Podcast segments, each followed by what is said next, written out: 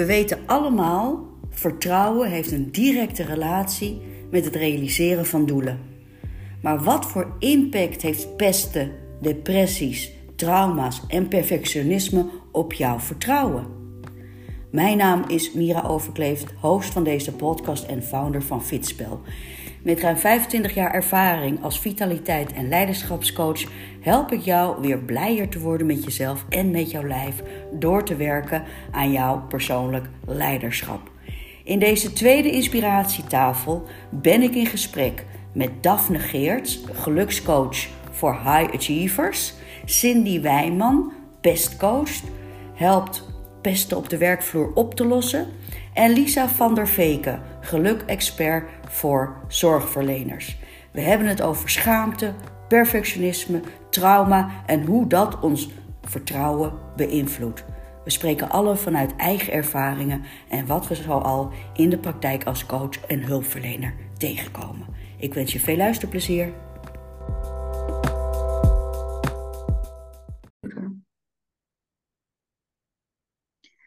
Oké, oké, oké. We zijn hier bij de tweede inspiratietafel podcast van Fitspel. En ik zit hier weer met drie fantastische gasten. En dat zijn Lisa, Daphne en Cindy. En we gaan het vandaag hebben over vertrouwen, schaamte, perfectionisme. Maar laat ik nou eerst eventjes de kans geven aan mijn gasten om zichzelf voor te stellen. En ik wil graag beginnen bij Lisa. Wie is Lisa en wat doet Lisa en waarom doet Lisa wat ze doet? Mijn naam is uh, Lisa van der Veken. Sowieso welkom trouwens dat ik hier mag zijn. Um, ik ben Lisa van der Veken en ik ben geluksexpert voor zorgverleners.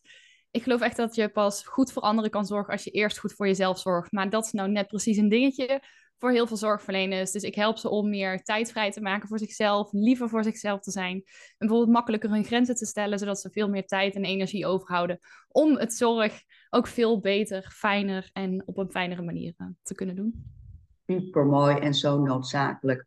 De groep die inderdaad, wat jij zegt, altijd voor anderen zorgen, maar zichzelf zo vaak daarin vergeten. Uh, noodzakelijk, noodzakelijk. Met de zorgkosten die alleen maar stijgen dingetje met de vooravond van de verkiezingen. Dankjewel, Lisa. Zeker. En wie is Daphne? Wat doet Daphne en waarom doet Daphne wat ze doet? Uh, mijn naam is Daphne Geert. Welkom uh, en leuk dat we hier uh, met z'n vieren in gesprek gaan. Um, ik begeleid succesvolle mensen die um, hun hele leven allemaal doelen stellen en op zoek gaan naar het volgende doel en het volgende doel. En eigenlijk alle doelen hebben behaald, maar het geluk niet in zichzelf voelen. Um, dus deze mensen komen dan bij mij in de praktijk en ik help eigenlijk om uit dat hoofd te komen en eens contact te maken met alles wat er nog onder zit. Dus met het lichaam, met het hart. Um, en ik geloof erin dat het daarin heel belangrijk is om echt naar binnen te keren. Dus echt met jezelf uh, te connecten en daarmee ook weer het geluk um, nou, in jezelf kan voelen. Dus ook echt lichamelijk kan voelen. En dus ook weer het geluk kan ervaren. Dus daar, um, daar help ik mensen bij. Super mooi. Um, en misschien is het wel, misschien kan het daar zo ik eventjes over hebben. Hè? Want je zegt, ik help succesvolle mensen. Uh, de vraag is dan, wat is dan succesvol? Hè? Is dat dan meer op carrière, materiële zaken? Want ik denk als je je eigen geluk niet bent of kent of voelt, hoe succesvol ben je dan? Uh, dus dat is een mooi haakjes voor zo direct. Dankjewel Daphne. Dan gaan we naar uh, Cindy. Wie is Cindy? Wat doet Cindy? En waarom doet Cindy wat ze doet? Nou, dank je Mira dat ik hier mag zijn. Nou, ik ben Cindy. Ik uh, ben pestcoach. En dan denken mensen meteen van, ga je dan iemand leren pesten? Natuurlijk niet. Ik help ja, over het algemeen vrouwen tussen de 25 en de 45 die gepest zijn. Uh, die hebben dan vaak last van een lage eigenwaarde, weinig zelfvertrouwen. En ik help ze door middel van ja, eh, krachtige oefeningen op diep onbewust niveau hun trauma op te lossen, zodat ze hun leven weer kunnen gaan leiden uh, vanuit een nieuwe visie, waarbij dat trauma dus geen rol meer speelt. Super belangrijk, hè? En ja. Ik, ik, ik, las, ik las niet zo lang geleden een artikel over pesten op de werkvloer. Hè? Je denkt toch altijd dat is, dat gebeurt op scholen en met kinderen. Maar het gebeurt echt ook op de werkvloer. Uh, ongelooflijk belangrijk. Help je ook volwassenen, Cindy, of is het vooral op scholen? Uh, nee, ik, voorlichting geef ik wel op scholen, maar ik help eigenlijk voornamelijk volwassenen. Uh, dat heeft te maken ook met mijn eigen verhaal. Ik ben als kind gepest, maar heb daar gewoon twintig jaar lang last van gehad met drie burn-outs en PTSS tot gevolg. Wat ik zelf met mijn eigen, of de methode die ik gebruik nu heb opgelost. Ja, Dus uh, ja, ja super mooi. inderdaad ook echt gewoon die fysieke gevolgen van pesten. Hè? Echt letterlijk het ziek worden van pesten, maar natuurlijk ook ziek worden van onvoldoende zelfzorg, wat Lisa uh, zegt. En hetzelfde denk ik ook voor succesvolle, tussen aanhalingstekens, mensen die maar um, carrière blijven najagen, waar je ook ziek van kan worden. Uh, mooi dames, dank jullie wel. Um, ik denk dat het mooie is dat we alle drie, of jullie alle drie, een eigen, ja, echt een specifieke niche hebben. Um, ik denk dat we maar eens even gaan uh, in gesprek gaan met elkaar. En laten we eens kijken, dat haakje waar Daphne net over had. Um, ik help succesvolle mensen naar gelukkig zijn. Dus dan hebben we twee vragen. En natuurlijk mogen jullie meepraten. Wat is dan succes en wat is geluk? Uh, Daphne, misschien wil jij als eerste hier wat op zeggen. Ja, um, ik vind het een mooie vraag. Um, en ik denk dat het, hoe het voor de buitenwereld eruit ziet en voor mij als persoon, zijn wel twee verschillende dingen. Um, want wat ik zie, de mensen die bij mij in de praktijk komen, hè, dus onder het, het, het, kopje succesvol, is dus heel erg gericht op carrière, is dus gericht op materialisme. Hè, dus um, uh, ik, ik, kom veel ondernemers tegen. Nou, die, die starten dan hun onderneming nou, naar zoveel miljoen. Of hè, dan die dikke Porsche. Of dan dat huis. Of nou, dan hebben ze een superleuke vrouw, leuke kinderen. Maar dan, oh, dan voelen ze dat geluk niet. Terwijl als kind zijnde, hè, of wat je misschien meekrijgt van je ouders, denk je van, oké, ik moet dit, dit en dit behalen. Um, en dan heb je dat geluk. Maar helaas voelen ze dat niet. Ja. Dus dat is wat ik zie bij mij in de praktijk. Kijk, als we het hebben over uh, hoe ik geluk zie, en dat is ook wel hoe je dat net zo mooi zei. Uh, van ja, volgens mij zit het helemaal niet in dat materialisme en maakt het niet zo heel veel uit hoe dik je bankrekening is. Uh, maar gaat het veel meer over, hey, hoe voelt geluk en wat is geluk dan voor mij als persoon? Uh, mm-hmm. En hoe voelt dat van binnenuit? Mm-hmm. Hè? En daarmee gaat het veel meer, denk ik, om de kleine dingen. En tot je de kleine dingen kan zien van het dagelijks leven. Mm-hmm. Um, en daar dan helemaal oké okay mee kan zijn. Uh, dus, dus niet zozeer dat, dat nastreven van het moet meer, het moet groter, het moet beter. Oh, de buurman heeft dit, dus ik moet dat. En tot het niet zozeer gaat om de buitenkant, maar gaan we naar binnen. Ja. En, en wat, gaan we eens voelen. Kan, kan, kan, zou je het iets concreter kunnen maken, Daphne? Uh, ik ga je nu uitdagen hè, in concreetheid. Uh, ja.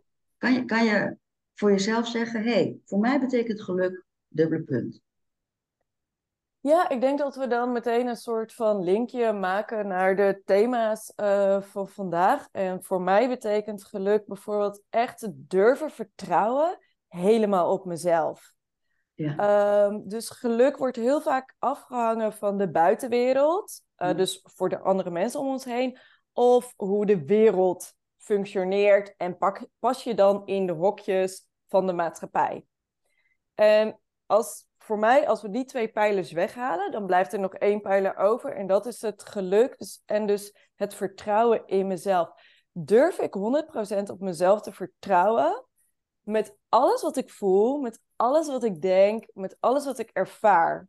Dus ook dingen waar ik me misschien dus voor schaam of wat ik lastig vind. Um, hè, dus, dus waar we soms een beetje boos kunnen worden op onszelf of nou, dit had ik anders moeten doen. Of um, dat je dus echt durft te, te zeggen, hey, oké, okay, ik ben bijvoorbeeld wel eens die pleaser. Ja.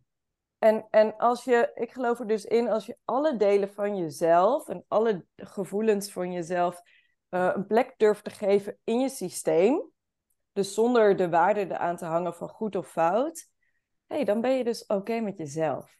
Ja, Dat is geluk dan? jou. Voor mij ben je dan, kan je geluk ervaren. Ja, mooi. Lisa, wat betekent dat voor jou? Ja, ik zie hem denk ik. Eh, ik denk dat dat een deel is van hoe ik geluk zie, met wat Daphne omschrijft, met ook dat vertrouwen in jezelf. En tegelijkertijd betekent geluk ook voor mij dat je in het hier en nu ook kunt genieten van wat er gebeurt. En dat, ehm, wat ik heel vaak, een van mijn slogans is bijvoorbeeld elke dag happy. En wat ik heel vaak zie, of als ik het met mensen over spreek, dat als het gaat over geluk, dat we dan zo'n idee hebben van, oh, maar ik moet dus altijd gelukkig zijn. Terwijl voor geluk voor mij erover gaat dat je uh, wat er eigenlijk ook gebeurt, en daarin overlap ik denk ik wel met Daphne, wat er in de buitenwereld ook om je heen gebeurt en omstandigheden of hoe je je ook van binnen voelt, dat je oké bent met wie je bent. En niet alleen dat je op jezelf vertrouwt, maar ook gewoon weet, nou, ik, ik, weet je, ik, dat je van jezelf houdt. Een stukje zelfliefde komt denk ik daar ook heel erg bij om de hoek kijken, naast het stukje zelfvertrouwen. Maar ook gewoon in het hier en nu aanwezig kunnen zijn. In plaats van de hele tijd in je hoofd bezig zijn met wat je in het verleden allemaal niet goed hebt gedaan. Of anders had moeten doen. Of wat je in de toekomst allemaal nog zou moeten doen. Of met to-do-lijstjes. Dus dat je ook echt in het moment aanwezig kunt zijn. Ja. En daarvan kunt genieten. Dat is voor mij ook heel erg hoe ik geluk zie. Ja. Beetje mindful in het leven staan. Ja. En, en, en succes, Lisa? Wat zou, wat zou voor jou de definitie van succes zijn? Nou, ik denk dat ik daarin ook wel overlap met Daphne. Dat voor mij is succes succes op alle vlakken. Um, en dan heb ik het dus over dat je in eerste instantie uh, succesvol bent, als in dat je dus oké okay bent met jezelf. Dat je van jezelf houdt, zelfliefde ervaart, zelfvertrouwen ervaart. En vervolgens ook de dingen in jouw leven hebt gecreëerd of weet hoe je ze kunt creëren, die jou van binnen dat vervulde gevoel geven. Ja, en wat dat dan ook is, is het voor iedereen anders. Um, maar dat heb ik wel ook moeten leren. Want ik heb vroeger ook de definitie meegekregen. Ja, je bent succesvol als je een koophuis hebt en je bepaalde opleiding hebt gedaan, et cetera. Dus daarin heb ik ook wel een shift ja, gemaakt. Ja, precies. Mooi. Cindy, wil jij uh, het van jouw perspectief is? Wat is geluk en wat is succes? Geluk is voor mij echt dat, dat je kan zijn wie je bent. Dus echt authentiek jezelf mogen kunnen durven zijn. Waardoor je dus echt gewoon weet, veel, dit ben ik, dit wil ik, dit voel ik. Dat kan je communiceren naar de buitenwereld. Betekent niet dat de anderen het daarmee eens hoeft te zijn, maar jij blijft wel bij jezelf. Ja. En ik denk dat dat wel ontzettend belangrijk is in deze tijd, waarin we zoveel in krijgen, ook van sociale media, hè, met al die perfecte plaatjes van dit is geluk en als ik dan succes heb, ben ik gelukkig. Maar zo werkt het niet. Weet je, het is niet zo dat als je heel veel succes hebt, dat je dan ook meteen gelukkig bent. Nou ja, succes um, is voor mij toch ook wel een deel uh, geld binnenkrijgen. Dus gewoon het geld kunnen hebben om je rekeningen te betalen. Dat klinkt heel oppervlakkig, maar ik heb uh, in een relatie gezeten waarin er dus geen geld was en dan zorgt het voor stress. Dus dan slaap je er slecht van. Dus hè, gewoon je eigen rekeningen kunnen betalen, maar ook uh, ja, gewoon een fijne groep vrienden om je heen die je kan vertrouwen, waar je op kan bouwen. Ja, in mijn geval een fijne relatie. Uh, als jij gelukkig bent zonder relatie, hey, dat, en jij voelt je daar goed bij, is dat ook natuurlijk een succes. Dus dat hangt ook van af van wat is je definitie. Maar voor mij, ik vind het fijn om in een relatie te zijn. Ik heb een fijn gezin waar ik uitkom. Dus dat hangt voor mij ook wel uh, samen met succes. En gewoon kunnen doen wat ik leuk vind. Waar ik gewoon van aanga. Ja. ja. Het is wel uh, leuk dat je dat aangeeft hoor. Want we weten bijvoorbeeld, dus echt vanuit mijn vak vitaliteit en leiderschap, weten we dat bijvoorbeeld um, financiële zorgen tast direct aan op iemands waardigheid. En dus direct op iemands gelukservaring en, uh, en succeservaring. Uh, dus um, is een hele.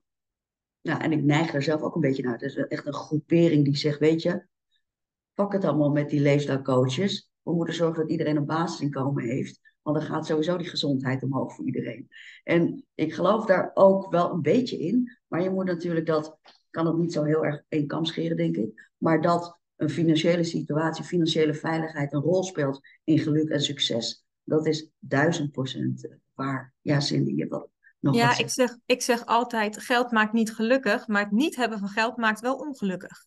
Ja, precies, ja. Ja, Mag ik daar nog even iets op aanhaken? Zeker.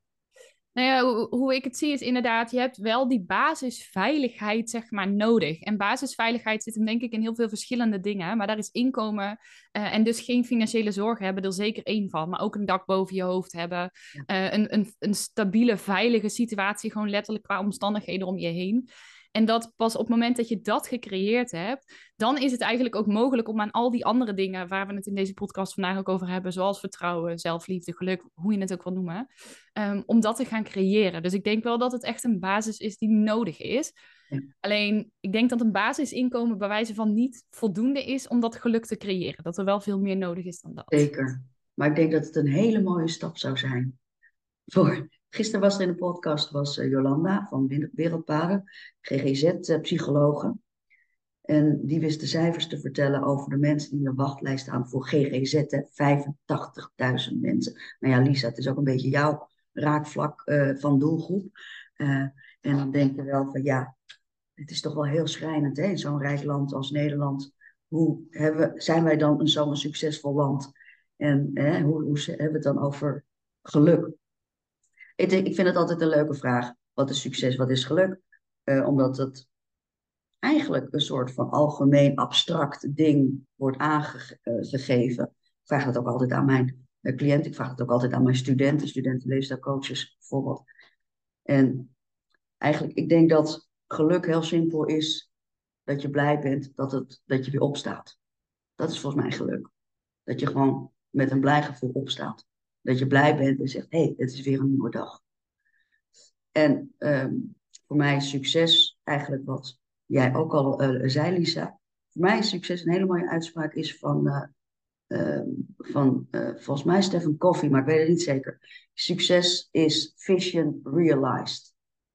Dus wat je visie ook is, hè, wat, wat jouw droom ook is, wat je, ja, wat je doelstelling, wat je missie, wat je visie is, als je dat kan realiseren, of dat nou is een gelukkig huishouden, of dat dat dan is uh, die uh, dikke Porsche, beide geldt, vision realized is succes. Dat denk ik dat het een mooie, ja, concreet of een, soort van uh, dingetje wordt. Het is leuk om daar eens over te te hebben, toch? Dat je daar gedwongen wordt over na te denken. Um, en ik denk dat succes en geluk toch wel vaak um, uh, belemmerd wordt door schaamte. Ik denk dat ik daar eens bij ga beginnen bij Cindy. Wat kan je daarover zeggen? Ja, schaamte, schaamte is natuurlijk al, dat heeft al te maken met vinden hè, dat je het zelf niet goed genoeg uh, doet. En vanuit mijn eigen, um, of dat je het anders had moeten doen. En vanuit mijn eigen vakgebied natuurlijk met pesten. Hè, vaak ook veel succesvolle vrouwen worden gepest. Uh, nou, hoe komt dat? Uh, ze, zeggen, ze denken altijd, ja, de zwakste wordt gepest. Nee, vaak kiezen ze juist, zeker volwassenen, kiezen een rivaal. Dus iemand hè, die bijvoorbeeld voor dezelfde functie gaat, die zou een rivaal kunnen. Dus die worden gepest. En vervolgens hangt daar een taboe omheen. Want hè, je laat je toch niet pesten, je zegt er toch wat van, je doet er wat, uh, je doet er wat voor. En ja, vervolgens ga, ga, doe je dat dus niet. En ga je jezelf nog, ook nog heel veel schuld aanpraten. Weet je, van ik had het toch anders moeten doen. Ik moet het toch negeren. Ik ben een zelfverzekerde, sterke vrouw. Dus ik moet hier tegenin kunnen gaan. En daardoor belemmer je jezelf natuurlijk heel erg, want je gaat jezelf op je kop zitten geven. Nou, als er iets is waar je dan niet gelukkig van wordt, hè, of, of niet heel fijn je leven van kan gaan leven, is dat het wel. Dat houdt je gewoon super tegen. En is dat dan schaamte? Wat, wat, wat, wat is nou ja, dan datgene dat ze. Nee, dat het, dat het hun gebeurt, zeg maar. Sorry, wat zei je? Wat is het dan het, de emotie waardoor ze belemmerd worden? Uh, ja, vooral het, het, um, ja, het schuldgevoel en toch de schaamte dat ze gepest worden. Dat het hun overkomen is en dat ze er dan niet tegen ingegaan zijn. Ja. Ja, dus... Hier is er, is, zie je, en, en als je andere dames willen aanhaken, wat, wat, hè, want je noemt schuld en je noemt schaamte. Volgens mij zijn dat twee verschillende uh, dingen. Um, Lisa knikt. Lisa, wil jij hier eens op ingaan? Nou, in, in eerste instantie um, moet ik denken aan mijn eigen verhaal. Ik heb een postnatale depressie gehad. Um, en voor mij was dat zeg maar het moment dat ik kaart tegen de lamp aanliep. Om, nadat ik al jarenlang, dat eigenlijk wat Cindy net zei, rondliep met allerlei zelfverwijt. Het gevoel niet goed genoeg te zijn, et cetera. En ik heb me nooit uitgesproken, ook over mijn postnatale depressie. Overigens niet. Pas op het moment dat ik een beetje herstellende was. En nou ja, in het begin, op het moment dat ik dat het echt niet meer ging. Ik heb op een gegeven moment ben ik suicidaal geworden. Um, en daar schaamde ik me heel erg van me voor. En dat is eigenlijk het moment geweest dat ik het wel met familie moest delen. Maar verder wist niemand het totdat ik weer redelijk beter was. Dus daarin herken ik hem heel erg, maar ook als verpleegkundige. Want ik kom dus uit de psychiatrie als verpleegkundige. Dus toen je dat net zei over die wachtlijsten, dacht ik ja, heel herkenbaar helaas. En die wachtlijsten lopen alleen maar op. Ehm, maar ik schaamde me er heel erg voor om aan collega's bijvoorbeeld ook toe te geven dat ik steeds het gevoel had dat ik het niet goed genoeg deed. En dat ik vond dat ik het beter moest doen. En ja, dat belemmerde mij wel om aan te geven dat ik eigenlijk graag bijvoorbeeld nog wilde leren over hoe ik dat kon doen. Of mijn grenzen aan te geven of me uit te spreken. Dingen die in mijn ogen wel nodig zijn om dus geluk te kunnen ervaren. Dus daarin zie ik wel schaamte echt als een belemmerende factor. Ja. En tegelijkertijd ook wel dat schuldgevoel dat als je dan toch wel voor jezelf kiest of wel je grenzen aangeeft, ja, dat je dan dus iemand anders tekort doet of zo. Want dan moet iemand anders bijvoorbeeld een dienst op gaan lossen omdat ik mezelf een keertje ziek meld, omdat ik tijd voor mezelf nodig heb of zo. Dus ik denk dat het twee emoties zijn die vaak naast elkaar spelen. Mhm. Ehm, maar bij mij is het vaak zo, en dat zie ik ook vaak bij klanten, dat schuld meestal schaamte opvolgt. Eerst is het de schaamte en dan kiezen ze toch voor zichzelf en dan ontstaat er een schuldgevoel. Dat is een mooie wat je zegt. Dus als wanneer je voor jezelf kiest, dan krijg je een schuldgevoel. Vaak is het wel zo, ja. Of alleen al de gedachte aan dat je dat zou doen, dat je die keuze voor jezelf zou maken, dat je jezelf uit gaat spreken, dat je grenzen aan gaat geven. Dat je dan al van tevoren bezig bent met jezelf een schuldgevoel aanpraten van ja, maar wat doe ik anderen dan wel niet aan? Ja, ik denk dat, dat, ik denk dat, dat, dat je daar wel de spijker op de kop stikt. Ik denk dat mannen ook makkelijker een schuldig, zich schuldig voelen en vrouwen zich sneller schamen. Even algemeen en heel erg geplastificeerd gezegd. Hè. Uh, ik Zou kunnen, dat... ja. Dat, ik, kan niet in een mannenhoofd kijken. Nee. Nou, ik, ik heb wel behoorlijk wat mannen gecoacht ook. En mannen zijn heel goed in het komt door die of dat. Dat ik mij zo en zo voel. Hè? Schuld. Schuld niet per se schuldig naar zichzelf voelen, maar meer de schuld van iets dat iets niet lukt aan de buitenwereld uh, wijden. En schaamte is uh, veel meer volgens mij een, een, een ik-ding in plaats van een uh, oorzakelijk ding, een gevolgding. En ik denk dat schaamte daarom altijd een pijnlijkere emotie is dan schuld. Ja, en het ligt er dus een beetje aan, denk ik, hoe je schuldgevoel ziet. Want als je het ziet dat je jezelf dus schuldig voelt over iets dat je een ander aandoet, is denk ik een ander soort schuldgevoel dan um, het schuldgevoel bij iemand anders leggen, zeg maar. Of je het naar jezelf naar binnen houdt of hem bij ergens anders plaatst. Ja, ja, ja. Um, Daphne, wil jij hier nog wat aan toevoegen? Uh, nou, ik kan me heel erg uh, vinden in wat jullie uh, zeggen. En ik vond het ook wel mooi. bij mij in de praktijk komen dus ook veel mannen. Hè, en dan die succesvolle mannen, om het zo maar te zeggen. Um, en ik merk dan toch wel tot er allereerst heel erg die schaamte op de voorgrond zit. Uh, want jeetje, ik heb toch al mijn doelen bereikt. En nog, nog zit ik hier bij Daphne. Ja. Want ik voel het geluk niet, ik kan niet slapen. Uh, ik, ik ben prikkelbaar, ik voel een leegte. Hè? Dus, dus die schaamte is eigenlijk een hele grote rol speelt in. Ik zie ook dat het soms daardoor de drempel erg hoog is om naar een coach of, of, wat dan ook naartoe te gaan. Want ja, hè, dus dan komt dat ego uh, heel erg uh, op de voorgrond. En dan kan ik me wel herkennen in dan gaan we, of de, dan gaan mensen vaak de ander de schuld geven. Of dus een andere situatie de schuld geven. Dat ze zich dus zo voelen hoe ze zich voelen. Um, dus daarin zie ik wel van, um, ja, het is heel herkenbaar oh ja, dit zijn. Eh, dus, dus eigenlijk gaan deze emoties bijna hand in hand met elkaar. Ja, dat denk ik ook. En uh, dat is uh, uh, het ook vooral rationaliseren, denk ik dat jij dat ook veel tegenkomt bij mannen. Vooral, hè? Nou, vooral, ik ben zelf ook zo iemand die als vrouw altijd continu aan het rationaliseren is. Maar als we het eventjes Mars versus Venus kunnen zeggen, dan zien we dat toch wat vaker bij mannen gebeuren. En ik denk ook wat jij zegt, uh, uh, Daphne, is wel een belangrijke, is dat schaamte leidt ook vaak tot stilte. Denk je niet? Tot terugtrekken, uh, koekonnen, onzichtbaar willen worden. eenzaamheid uiteindelijk, denk ik ook. Ja. Ehm, wie, wie wil daar nog wat over zeggen?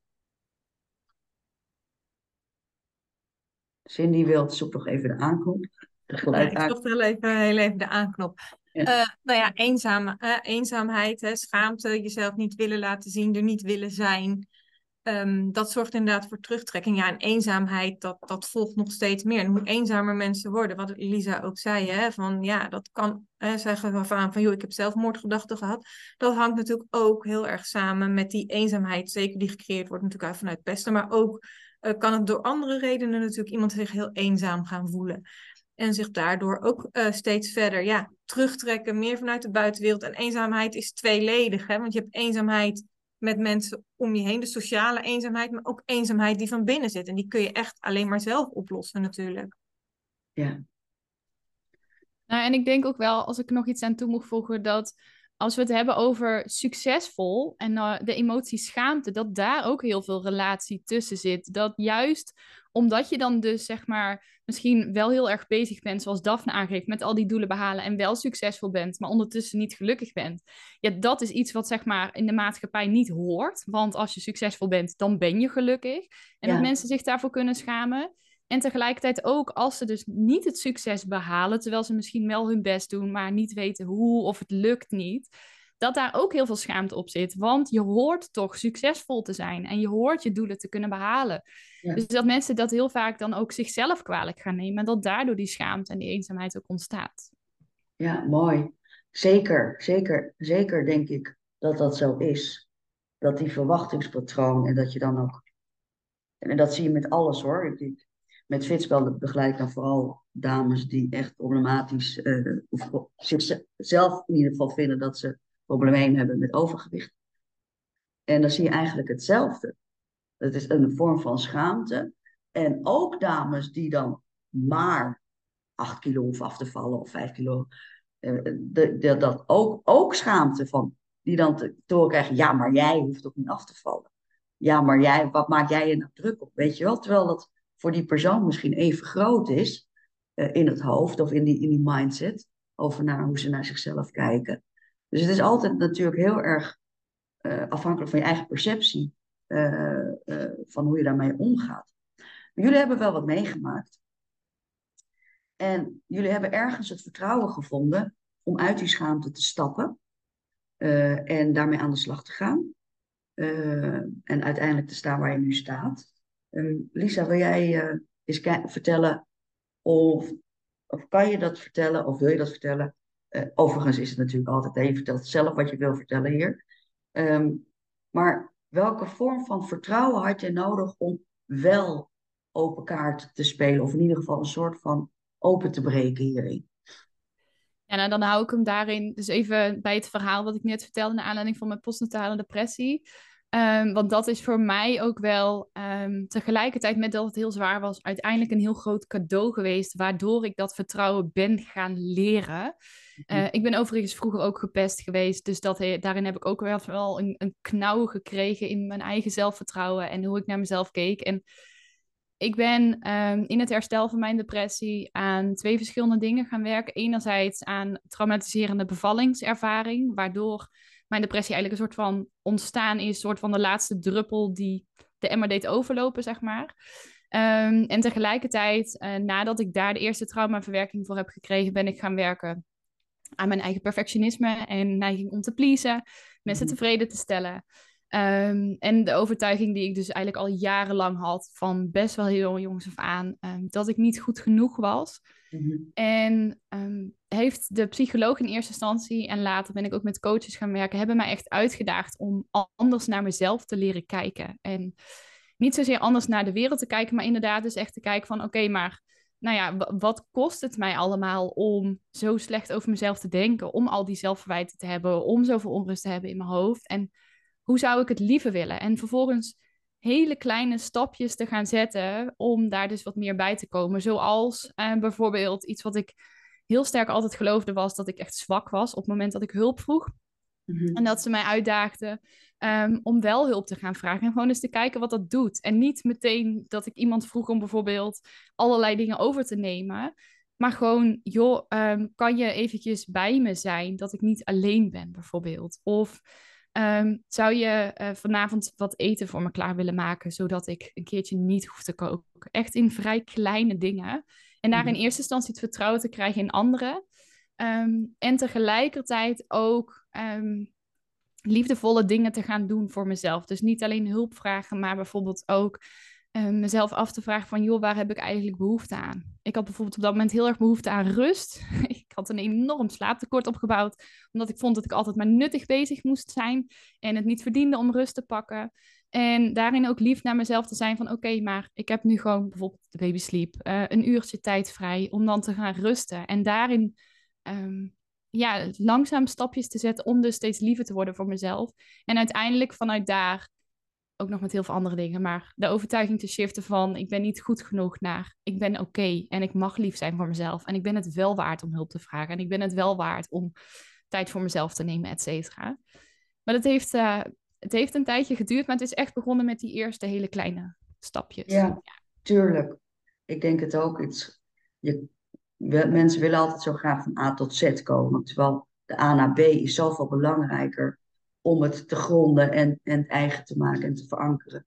Ja, uh, nee, en uiteindelijk heb ik er nog veel meer voor gedaan, maar ik denk dan wordt het een veel te lang verhaal. Maar het zijn echt ja, de eerste stapjes. Ja, uh, ja. Hier wel ik heb een paar mooie dingen die denk ik absoluut, uh, waar, ik, waar ik zo ontzettend mee eens ben. En, en ehm, ook fijn vind dat jij dat ook zegt. Dan hoef ik het niet altijd te zeggen. Ik denk soms dat ik de enige ben. wat je heel veel ziet is dat van hè, believe in yourself. If you can dream it, you can achieve it. Weet je wel, dat soort uitspraken. Dat ik zo ontzettend jeuk van krijg. Um, ik ben heel erg um, overtuigd, en dat zeg jij eigenlijk ook, dat de eerste stap is dat je vertrouwen krijgt in de ander in plaats van jezelf. Dat je, ik, ik, ik zeg altijd van, zie het als het kind wat jij bent of was, dat je vier jaar was en dat leert fietsen. En de ander die geeft jou vertrouwen om te zeggen, joh, je kan fietsen, ik hou je vast, ik blijf bij je, ik zorg dat je niet valt. Maar als we volwassenen worden, dan denken we dat we het allemaal alleen moeten doen. En dan hebben we niet meer, durven niet eens meer te vragen. En dan komt weer dat stukje schaamte. Durven niet eens meer te vragen van, goh, hou me eens even vast. Nee, je hoeft niet te vragen hoe het met me gaat. Ik wil alleen dat je me even vasthoudt. Dus dat vind ik een hele mooie dat je het aangeeft. Juist het weer leren vertrouwen in de ander is zo essentieel volgens mij om je zelfvertrouwen te vergroten. Uh, Cindy, wil jij hier wat op uh, aanhaken? nou ja, zelfvertrouwen moet je sowieso ook uit jezelf halen. Maar vertrouwen moet wel opgebouwd worden, inderdaad. Kijk, ik, heb, ik ben natuurlijk gepest. toen kreeg ik op een gegeven moment de eerste burn-out. Toen heb ik altijd gezegd, dit is kloten, maar kom er sterker uit. dat heeft twee jaar geduurd. Nou, Um, uiteindelijk heb ik nog daarna twee keer een burn-out gehad. En ik realiseerde van, joh, psychotherapie, het zal heel veel mensen helpen, absoluut. Alleen, voor mij was het niet afdoende. Vervolgens kwam ik, uh, toen zei iemand tegen me, ja, dan moet je naar, uh, een uh, naar iemand anders, destination coach. En dat is wat voor jou. Toen dacht ik, ja, jezus, wordt allemaal niet vergoed. Hoop geld, weet je wel. Ga ik dat nou wel doen? En toen heb ik tegen mezelf gezegd, weet je, ik ga twee of drie keer. Baat het niet, dan schaadt het niet. En dan zie ik het wel. Mm-hmm. En voor mij was dat de manier. Dus hè, voor mij, ik haalde daar mijn vertrouwen uit door mijn, mijn issues op te lossen. Dus ja, weet je, als je al ergens tegenaan loopt en je merkt gewoon in dit geval dat een bepaalde therapie of een bepaalde coaching of wat dan ook niet voor jou werkt, hou gewoon moed, weet je. Hou het vertrouwen dat er ook andere manieren zijn die misschien wel voor jou werken. Ik heb dat zelf mogen ervaren. En uh, ja, ook inderdaad wat, uh, wat Lisa zei, het vertrouwen in de ander, dat je er mag vragen. Uh, wat voor mij een heel helder inzicht was, is ik mag nee zeggen als iemand mij wat vraagt. Maar ik mag het de ander ook vragen. En die is zelf verantwoordelijk voor zijn ja of nee. En ja. dat gaf mij wel heel veel rust, dat ik dacht, oké, okay, dat is waar ook. Ik heb het recht om nee te zeggen, maar die ander ook. Ja, ja mooi. Ja. Wat jij mooi aangeeft, en dat vind ik wel leuk ook om te horen, is dat uh, moed bij vertrouwen hoort. Het is heel toevallig, ik heb volgens mij twee weken geleden daar een masterclass over gegeven. Moed heb je nodig om te vertrouwen. Um, um, en dat ben ik absoluut. Uh, zou je dat iets kunnen toelichten wat je daarmee bedoelt, Cindy? Ja, vertrouwen is eng. Weet je, um, vertrouwen is iets dat, dat komt niet vanzelf. Daar, daar, heb, daar moet je iets voor doen. En eigenlijk moet je vertrouwen al geven voordat je, voordat je weet dat het er is. Dus daar heb je moed voor nodig. Je moet al een stap maken zonder zekerheid te hebben. En dat is spannend. En dus dan zeg je van oké, okay, nou moet ik het moedige deel in mij aanspreken. En ga ik die stap zetten en ga ik dat vertrouwen geven. Ja. En uh, ja, als je het niet krijgt, dan stap je ook heel snel weer terug. Ik, ik spring overal heel graag blindelings in, vol vertrouwen. En ja, als ik op mijn bek ga, ga ik op mijn bek. En dat zie ik dan wel weer. En mijn man is tegenovergesteld. Die kijkt eerst even voorzichtig die kat uit de boom. En die bedenkt dan van, joh, ga ik hier mijn vertrouwen instellen? En dat zijn twee verschillende manieren om de wereld te benaderen. Ja, allebei goed. Ja. Maar ja, je moet, in mijn geval zeg ik van joh, je hebt de moed nodig om eerst dat vertrouwen erin te stoppen. Ja, ja mooi. Ehm, Mag ik daar nog wat op aanhaken? Zeker. Ja, want uh, ik, ik kan me helemaal vinden in wat jullie, uh, wat jullie delen. Uh, maar voor mij komt er nog wel een toevoeging aan, is om echt naar binnen te keren dus we kunnen heel schematisch zeg maar uh, kijken van oké, wat gebeurt er in het hoofd? En welke delen zijn we misschien aan het beschermen? Um, dus om de ander te vertrouwen, omdat het heel spannend is. Maar wow, durf je eigenlijk wel jezelf te vertrouwen? Hè, en dat is eigenlijk wat ik net ook een beetje bedoelde met het geluk. Durf je alle delen, dus alle uh, gebieden van jezelf, durf je daarop te vertrouwen? Dus kan je boos zijn? Of hè, eh, mag je ook boos zijn van jezelf? Ehm, en als je dus vanuit dat hoofd daardoor meer naar binnen keert, dus meer naar je onderbewuste en dat lichaam toe gaat, goh, daar, daar zit ook nog wel echt, vind ik, een hele winst te behalen om echt te vertrouwen op jezelf. Hè, we zijn bijvoorbeeld uh, best wel geneigd om bepaalde lichamelijke reacties van onszelf um, te bevriezen of uh, aan de kant te zetten. Um, nou, wat we bijvoorbeeld heel goed kennen, is denk ik als we het zenuwachtig zijn, tot we trillen of tot we stotteren. Nou, dan komt meteen, uh, dat wil ik niet, dat mag niet en blok, blok, blok. Um, en ik denk dat het heel belangrijk is om dus naar binnen te keren. En dus dan met dit voorbeeld, hey, ga, ga daar juist eens naar onderzoeken wat er dus gebeurt in dat lichaam. Um, en heb daar eens vertrouwen mee. Durf je ook dat deel van jezelf te vertrouwen. Dus echt, echt dat onderbewuste. Um, en wat vaak dus is opgeslagen vanuit nou, kindertijd of whatever, zeg maar. Ja.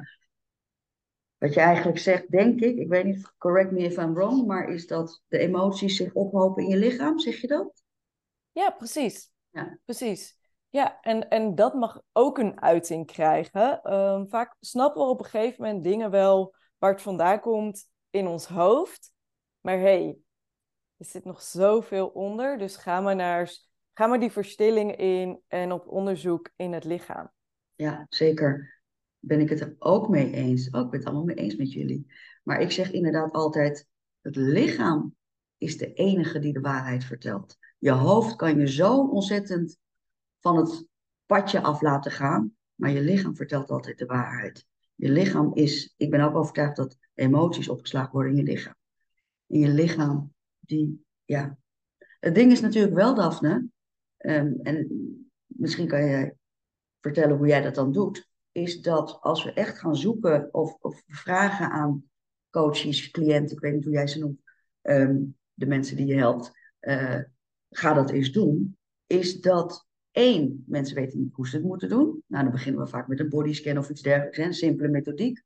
Uh, twee is dat uh, mensen vaak zo ongelooflijk ver weg zijn van hun lichaamsbewustzijn. Niet per se misschien emotie, maar in ieder geval van hun lichaamsbewustzijn. Indirect dus volgens mij van hun emotie. Uh, dat het ook heel angstig kan zijn. Snap je wat ik zeg? Dat het ook één eh, en als het angstig is, komt het weer. Weinig vertrouwen ervoor. Schaamte daarvoor wat het, wat het komt, wat het oplevert. Uh, weinig moed om daarin te duiken, wellicht. Uh, hoe ga je deze mensen daar dan in helpen, Daphne? Nou, um, ik geloof heel erg dus in um, zeg maar technieken van schematherapie. Um, en dus, dus een, een hele bekende is bijvoorbeeld een stoelentechniek, waarbij je eigenlijk want dat kan je heel simpel met mensen doen uh, vanuit het ratio. Maar je gaat dus eigenlijk dat deel wat ze dus zo spannend vinden in zichzelf, daarmee ga je in gesprek. Dus je vraagt letterlijk te, te zeggen van, oké, ehm, eh, bijvoorbeeld angst. Hè? Dus je bent bang om naar die angst te gaan. Of je uh, vindt het spannend om vertrouwen te hebben. Dat we dat dus met dat deel in gesprek gaan. Want vaak heeft angst, in dit voorbeeld, um, een functie. Hè? Dus of uh, vertrouwen hebben of geen vertrouwen hebben in de ander, heeft een functie. Dus ooit heeft jouw systeem bedacht, we blokken vertrouwen want dan wordt het veel te spannend. Um, en om juist eens met vertrouwen in gesprek te gaan en daar toestemming aan te vragen. Hè? Vertrouwen, vind je het oké dus dat we met jou in gesprek gaan? Um, durf je het aan om terug te kijken? Wat gebeurt er als je wel een beetje vertrouwen geeft? Wat gebeurt er als je helemaal weg bent? Um, en daarmee kan je dus eerst in het ratio bekendmaken voor de mensen. en daarmee uh, krijg je dus steeds meer vertrouwen van je systeem om dus naar binnen te keren. Mhm. Ehm, en ik geloof dan dat je hè, dus meer die diepte meditatie in kan gaan. En ik gebruik dan uh, het lichaam echt door lichaamstechnieken, uh, lichaamgerichte therapieën en ademen. Um, want daarmee kom je echt tot je onderbewuste. Dus eerst heb je het vertrouwen nodig van het hoofd, om het zo maar te zeggen. En dan is het tijd om naar binnen te keren en meer naar dat hart en meer naar het onderbewuste. Ja, mooi. Eh, iemand anders, nog een andere methodiek? Nou iets wat ik vaak ook gewoon aan uh, cliënten, uh, klanten, hoe je ze dan ook maar wil noemen. Uiteindelijk maakt het dus allemaal ongeveer hetzelfde. Um, ook aanraad is gewoon een aantal keer per dag. En uh, ik raad vaak het wc-moment aan, want dat is gewoon vaak het meest praktische. Zeker ook voor zorgverleners die dan druk, druk, druk zijn. Blijf gewoon eens een minuut langer op de wc nadat je naar het toilet bent geweest. En neem gewoon even een minuut de tijd om gewoon even je ogen te sluiten. En gewoon letterlijk te voelen. Hoe voel ik me nou eigenlijk? En jezelf die vraag eens te stellen. Hoe voel ik me? En waar heb ik nu behoefte aan? En op die manier, zeg maar, in hele korte momentjes, dus daarmee maak je, zeg maar, dat het niet zo spannend is, mhm. zichzelf die twee vragen te stellen. En door jezelf daarin te trainen, door dat gewoon een aantal keer per dag te doen, nou ja, hoe vaak ga je op een dag naar de wc? Als je er in ieder geval drie uitpikt, zeg maar, drie keer een minuut, dan word je al meer bewust van wat dat lichaam eigenlijk van jou vraagt en hoe het ervoor staat. En ik denk dat dat ook helpend is om dus bijvoorbeeld je lichaam beter te leren kennen, maar ook om uiteindelijk bijvoorbeeld je grenzen makkelijker aan te geven, et cetera. En dat dat ook helpt om weer vertrouwen te krijgen in jezelf. Dus ook, um, ik ben ook echt voorstander van dat soort technieken die Daphne net beschrijft. Alleen dat vraagt vaak wat langere sessies. En dit zijn echt hele korte praktische oefeningen die mensen gewoon. Ja, mooi. Super mooi. Ja, super mooi. Cindy, heb jij ook nog een praktische oefening voor de mensen? Nou, praktische oefening misschien niet, maar ehm, wat ik altijd uh, vraag in mijn sessies, op een gegeven moment ga ik vragen van, en hoe voel je je? Hè, wanneer de situatie zich afspeelt. En dan vraag ik ook altijd, waar voel je dit in je lijf? Dus ik ga echt met die emotie van, waar voel je? Ja, maar dat voel ik niet. Tuurlijk voel je het niet, maar stel dat je het wel zou voelen, waar voel je het dan? En dan ga ik, ehm, ja, dan ga ik nog een andere, andere vraag stellen. Voelt het warm, koud, neutraal? Zodat ze echt even helemaal zich bewust worden van dat gevoel. Want pas als je die vragen gaat stellen, gaan mensen daarover nadenken. Ja. En ja, heel kort gezegd is het een chemisch proces, want je denkt iets, daar komen hormonen van vrij, die geven een sensatie in je lijf, daar geef je een erkenning aan van dit is een emotie, en aan de hand daarvan ga je handelen. Ja. Dus je voelt het geheid, weet je. Denk maar eens aan uh, verliefd zijn of een... Uh, zo boos zijn dat je, dat je echt staat te trillen van boosheid. Dat wordt dus allemaal gevoeld. En ja, dat, dat moet je, daar moet je eerst voor inderdaad in je, in je lijf thuiskomen. Wil je daar bewust van zijn? Of iemand moet jou die vraag stellen. Ja, precies. Ja, ja. ja precies. Ehm, ehm, en dat is ook wat, wat Daphne dan ook met deze carrièregerichte, succesvolle mannen doet. En dat is natuurlijk super eng. Hè? Om daar uh, de tijd voor te maken, stil bij te staan. Uh, het zal ook in eerste instantie als gek worden ervaren. Schaamte komt dan ook weer, zullen dat niet als eerste in de kroeg gaan melden dat ze een stilteoefening hebben gedaan bij Daphne. dus dus dat, dat speelt allemaal mee. Ehm, en wat we uh, misschien niet per se, nou ik denk ook, ja, ga ik toch weer een beetje generaliseren, maar ik denk toch dat het pleasen en perfectionisme gedrag meer bij vrouwen voorkomt dan bij mannen. Um, hoewel, nou ja, eventjes generiek gezegd. Um, ik denk dat het een directe uh, rol heeft. Ik, met, met schaamte en, en niet goed genoeg voelen. Um, Cindy wilt hier wat over zeggen. Ja, wat veel mensen vergeten, we kennen de uh, vechten, vluchten, bevriezen. Maar pleasen is, hoort daar ook gewoon bij. Dat is gewoon een reactie op een trauma van vroeger. Dus dat wilde ik als ik enige even toevoegen. Ja. Ja. Um, ik moet even nadenken, want ik zit te denken of dat zo is, omdat dat, dat niet valt binnen. Het gaat, dat vluchten, vechten, bevriezen gaat om een stukje verandering fysiologisch. Dus fysiologische verandering en daardoor de respons daarop. Dus ik weet niet per se of dat pleasen daar ook dan niet daar binnen deze domeinen valt, van deze drie domeinen. Daphne wil wat zeggen.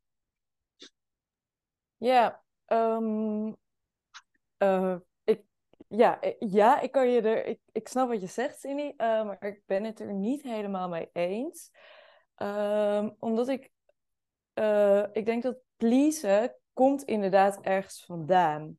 Maar je bent iets aan het beschermen. Dus iets in jouw systeem denkt, ik zet pleasen in, want dan krijg ik dit en dit resultaat. Vaak heb je dat vanuit je kindertijd geleerd. Um, en ik weet niet zo goed of het de eerste reactie is als er een leeuw op je afkomt. Um, hè, want dan kies je toch meer voor die uh, vechten, vluchten of bevriezen. Ja. Um, en ik denk dat pleasen is echt een gedrag wat je, ja, waar je gewoon vet goed in bent geworden. Omdat het je toen heeft uh, helpen overleven. Hè, want vaak als kind zijnde moet je overleven. Dus moet je iets gaan verzinnen. Nou, in dit voorbeeld dan pleasen. Ja, dat denk ik ook. Uh, dat denk ik ook. En, um, uh, en gedrag is natuurlijk uiteindelijk alleen maar een herhaald patroon. En op een gegeven moment komen we erachter dat dat pleasen nu helemaal niet meer zin heeft. Terwijl dat toen als kind van misschien een alcoholistisch ouder of, of, uh, of, of ja, in ieder geval een niet fijne thuissituatie heel erg gunstig was. Maar dat dat nu helemaal niet aan de orde is. Het gedrag is uiteindelijk dan toch ook maar gewoon routinematig geworden. En als we daar niet een keer een spiegel voor krijgen van hallo, die angstsituatie is nu niet meer aan de orde, dat is nu niet meer nodig, dan is dat misschien uh, uh, alweer een ander verhaal geworden. Maar we zien natuurlijk wel dat dat veel ehm, voortkomt uit, nou ja, en alles wat daarbij komt, hè, uitstelgedrag, ontkennend gedrag, ja, alles wat, het, wat daar maar met zich meebrengt, voortkomt uit schaamte en of Ehm, volgens mij zei jij dat, Lisa, het gevoel van niet goed genoeg zijn. Ehm, eh, dat is eigenlijk mijn grootste issue altijd geweest. Ik ben niet goed genoeg. En, en ik uitte dat. Mijn respons was heel hard werken. Dat was mijn respons van, ik ben niet goed genoeg. Ik ga maar heel hard werken. Nog meer cursussen. Ik moet de beste vitaliteitscoach worden. Ik moet tenminste uh, de erkenning van Erasmus MC hebben. Ik moet, hè, dus dat was mijn respons op uh, niet goed genoeg zijn. En ook dus een vorm van perfectionisme. Het continu beter moeten zijn van jezelf, omdat je anders niet goed genoeg bent. Um, is het niet in de essentie dat stukje niet goed genoeg zijn, niet goed genoeg voelen? Hetgeen waar we, waar we uiteindelijk de problemen door ontstaan? Ik weet niet of alle problemen daar in essentie door ontstaan, maar ik denk wel een heel veel van de klachten waar wij allemaal eigenlijk mensen mee helpen, dat dat in de basis terug te voeren is op heel veel belemmerende overtuigingen, zoals we dat dan in ons vakjargon vaak noemen. Um, maar dat dit wel bijna altijd de onderliggende kern is. En dat dat of wat terugkomt of ik ben niet goed genoeg, of ik ben niet waard, of niet waardevol, of iets in, in die trant, zeg maar. En de een benoemt het net wat ander dan, anders dan de ander. Maar dat dat tot uiting heeft dat je dus heel hard gaat werken, dat je je doelen na gaat jagen, zoals Daphne zei. Um, dat je dus de neiging hebt om het de hele tijd te compenseren, heel hard gaat werken. Ehm, of misschien juist wel wat je net benoemde, dat uitstelgedrag. Van ja, maar ik doe het toch niet goed genoeg, dus waarom zou ik er überhaupt aan beginnen? Dus dat het verschillende uitingsvormen heeft, maar hier wel vaak um, naartoe terug te voeren is. En dat dat dus ook hetgeen is waar je uiteindelijk aan gaat werken. Alleen dat je daar wel een stukje voortraject voor nodig hebt om daar te komen. Want als je meteen zeg maar met iemand binnenkomt, daaraan zou gaan werken, dan, uh, dan is het een te grote. En dan vraag je mensen denk ik te veel in één keer. Dus dat dat uh, wel tijd nodig heeft om daar stappen in te zetten. Ja, anderzijds denk ik ook als je mensen erop wijst, uh, omdat het zo vaak niet voor de hand ligt, weet je wel. Als mensen bij mij komen met fitspel dan. Ik heb fitplan is voor bedrijven en fit, fitspel is voor overgewichtproblematiek. En als mensen dus bij fit spel komen, dan um, en ze, en ze verwachten dan van mij dat ik ze ga, want ik ben ook voedingscoach, dat ik ga een nieuw dieet ga geven enzovoort. En dan zeg ik, nee, we gaan beginnen met je levensverhaal op te schrijven. uh, uh, dan, dan is het zo vaak ook zo een, een, iets van, hè? Wat heeft dat nou in godsnaam te maken met mijn gewicht? Ja, de, alles, weet je wel. Hoe, uh, overgewicht heeft alles te maken met jou, hoe je naar jezelf kijkt. En dus met je levensverhaal. En jezelf en je zelfconcept enzovoort. En um, dus ik snap dat je natuurlijk, wat je zegt, ben ik helemaal mee eens. We moeten altijd gaan van de A naar B in plaats van naar de A naar Z. Maar het, het, het, het, het, de ogen openen dat er wellicht iets heel anders is dan uh, waarvoor ze in eerste instantie zouden komen. Hè, die, dus komen toch, denk ik, ik weet niet hoe het bij jullie is, maar veel mensen komen toch wel bij coaches met het gevoel van er wordt even wat gefixt voor me. Ja, nou, ik ben het in de basis ook heel erg met je eens. Uh, en ik, ik werk in het begin zeker ook heel erg naar bewustwording. Um, alleen ik kom niet zeg maar meteen met het label, oh jij vindt jezelf niet goed genoeg. Dat is meer hetgeen zeg maar wat ik probeer te zeggen. Um, nee, nee, juist nee, door ook ja. vragen te stellen en die bewustwording te creëren. Mensen daardoor zelf tot inzicht te laten komen. Alleen er zijn vaak wel een paar stapjes nodig om daar te kunnen komen. Ja, ja, ja, ja, ja. ja. Oh ja, zo, zo bedoel je het. Ja, tuurlijk. Ja, je zegt nooit, nee, je laat het hopelijk de cliënt zelf tot inzicht komen dat ze dat durven uit te spreken. Uh, nee, nee, ook zo bedoel je het, ja zeker. Um, het is mooi om te zien dat we allemaal op een ander veld uh, daar onze eigen draai aan geven en toch ook heel veel raakvlakken uh, hebben. Um, dat is ook logisch, anders had ik jullie niet uitgenodigd natuurlijk. um, als er een tip, één tip zou zijn om de luisteraar mee te geven om vertrouwen te vergroten? Wat zou dat uh, zijn? Cindy, wil jij beginnen? Uh, om vertrouwen te vergroten. Oh, Mira, die vraag had ik niet aanzien komen. Um, ja, dat klinkt heel gek, maar goede slaap. En dat is misschien uh, een tip waarvan je denkt, ja, maar dat is toch logisch? Ja, denk eens aan een dag als jij slecht geslapen hebt de volgende dag. Dan ben je prikkelbaarder, dan kan je een hele hoop dingen niet zo goed handelen. Dus um, ja, mijn, mijn idee zou zijn van zorg gewoon voor een goede, goede slaap, dat je genoeg slaapt. Dus uh, Lisa, misschien kun jij weer nog wat toevoegen. Nou ja, wel een hele mooie en denk ik wel een hele belangrijke, waardevolle tip waar we vaak aan voorbij gaan. Maar als ik slecht slaap een paar nachten, dan ben ik ook uh, prikkelbaar. En ook, het is ook bewezen trouwens, om daar op aan te vullen, uh, wetenschappelijk bewezen dat op het moment dat je dus slechter slaapt, dat automatisch meer de angst de overhand gaat voeren. En je dus ook minder vertrouwen voelt. Dus ik denk juist ook een hele waardevolle. Um, ja, ik denk dat we heel vaak voorbij gaan aan het dus stilstaan, juist omdat het zo eng is. Dus eigenlijk die oefening die we net al een beetje kort deelden, neem gewoon even vaker van die pauzemomentjes. Om dus echt wel even stil te staan, kader het zodat het veilig voelt voor jezelf. Um, maar als je het hebt over je mag eerst naar binnen keren, wat Daphne ook zei, en jezelf leren vertrouwen, dan zou ik dus echt zeggen: oké, okay, sluit gewoon af en toe even je ogen en vraag gewoon jezelf: oké, okay, ja. hoe gaat het nu eigenlijk met me? En wat heb ik nu op dit moment nodig? En ja. al die vragen die Cindy net ook erachteraan stellen, hoe voel ik me, waar voel ik het in mijn lichaam, super waardevol. Maar begin daarmee en bouw hem vervolgens uit, zodat ja. je meer op jezelf leert te vertrouwen en überhaupt jezelf meer leert kennen. Ja, mooi. Daphne? Um, ik zou de tip geven, koop een boekje en een pen en ga elke dag uh, een paar dingen opschrijven waar je um, een goed gevoel bij over hebt gehad.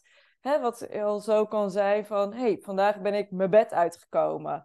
Of uh, ik heb een compliment ontvangen. Um, uh, ik heb genoten van de zon. Ik heb een lekkere koffie voor mezelf gezet.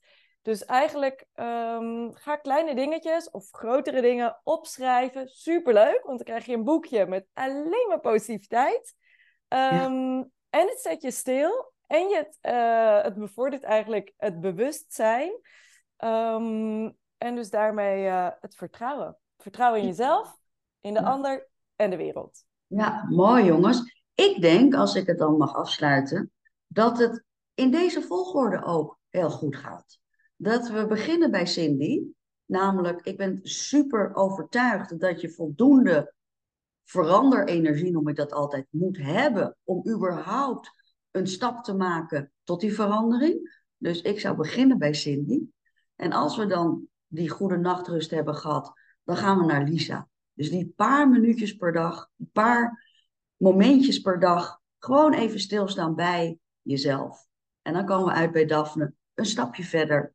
Pak die journal, schrijf op wat je kan en waar je goed bij voelt. Ik vond het super fijn dat jullie hier waren, dames. Ik hoop dat de luisteraars hierdoor geïnspireerd zijn. Het is een inspiratietafel. Um, je mag zeker even een foto maken, uh, Cindy. Ik ga uh, natuurlijk alle informatie delen in de show notes van deze gasten, zodat jullie de mensen kunnen opzoeken en zelf contact opnemen als iets is wat jou aanspreekt hierin. Um, dus laat me, laten we afsluiten door nou, jullie te danken voor jullie komst. Lisa, Cindy en Daphne. En willen jullie nog wat zeggen? Dankjewel voor het mooie gesprek. Oké. Okay. Ja, dankjewel. Super. Fijn om jullie ja. uh, zo te ontmoeten. Ja, dankjewel.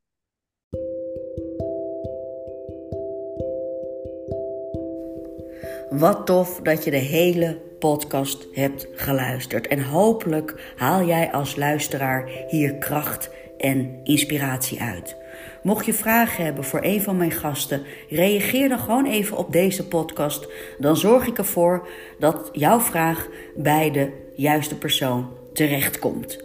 Wil jij ontdekken hoe jij blijer kan worden met jezelf en met je lijf door het versterken van persoonlijk leiderschap? Check dan even onze website www.fitspel.nl of en of download onze gratis apps voor tips, motivatie, inspiratie en zelfs coaching. En dat allemaal voor de nop. Vond je deze podcast waardevol? Dan hoop ik dat je even op het belletje wilt klikken, zodat je geen aflevering hoeft te missen. Dankjewel voor het luisteren en tot de volgende podcast. Dag dag!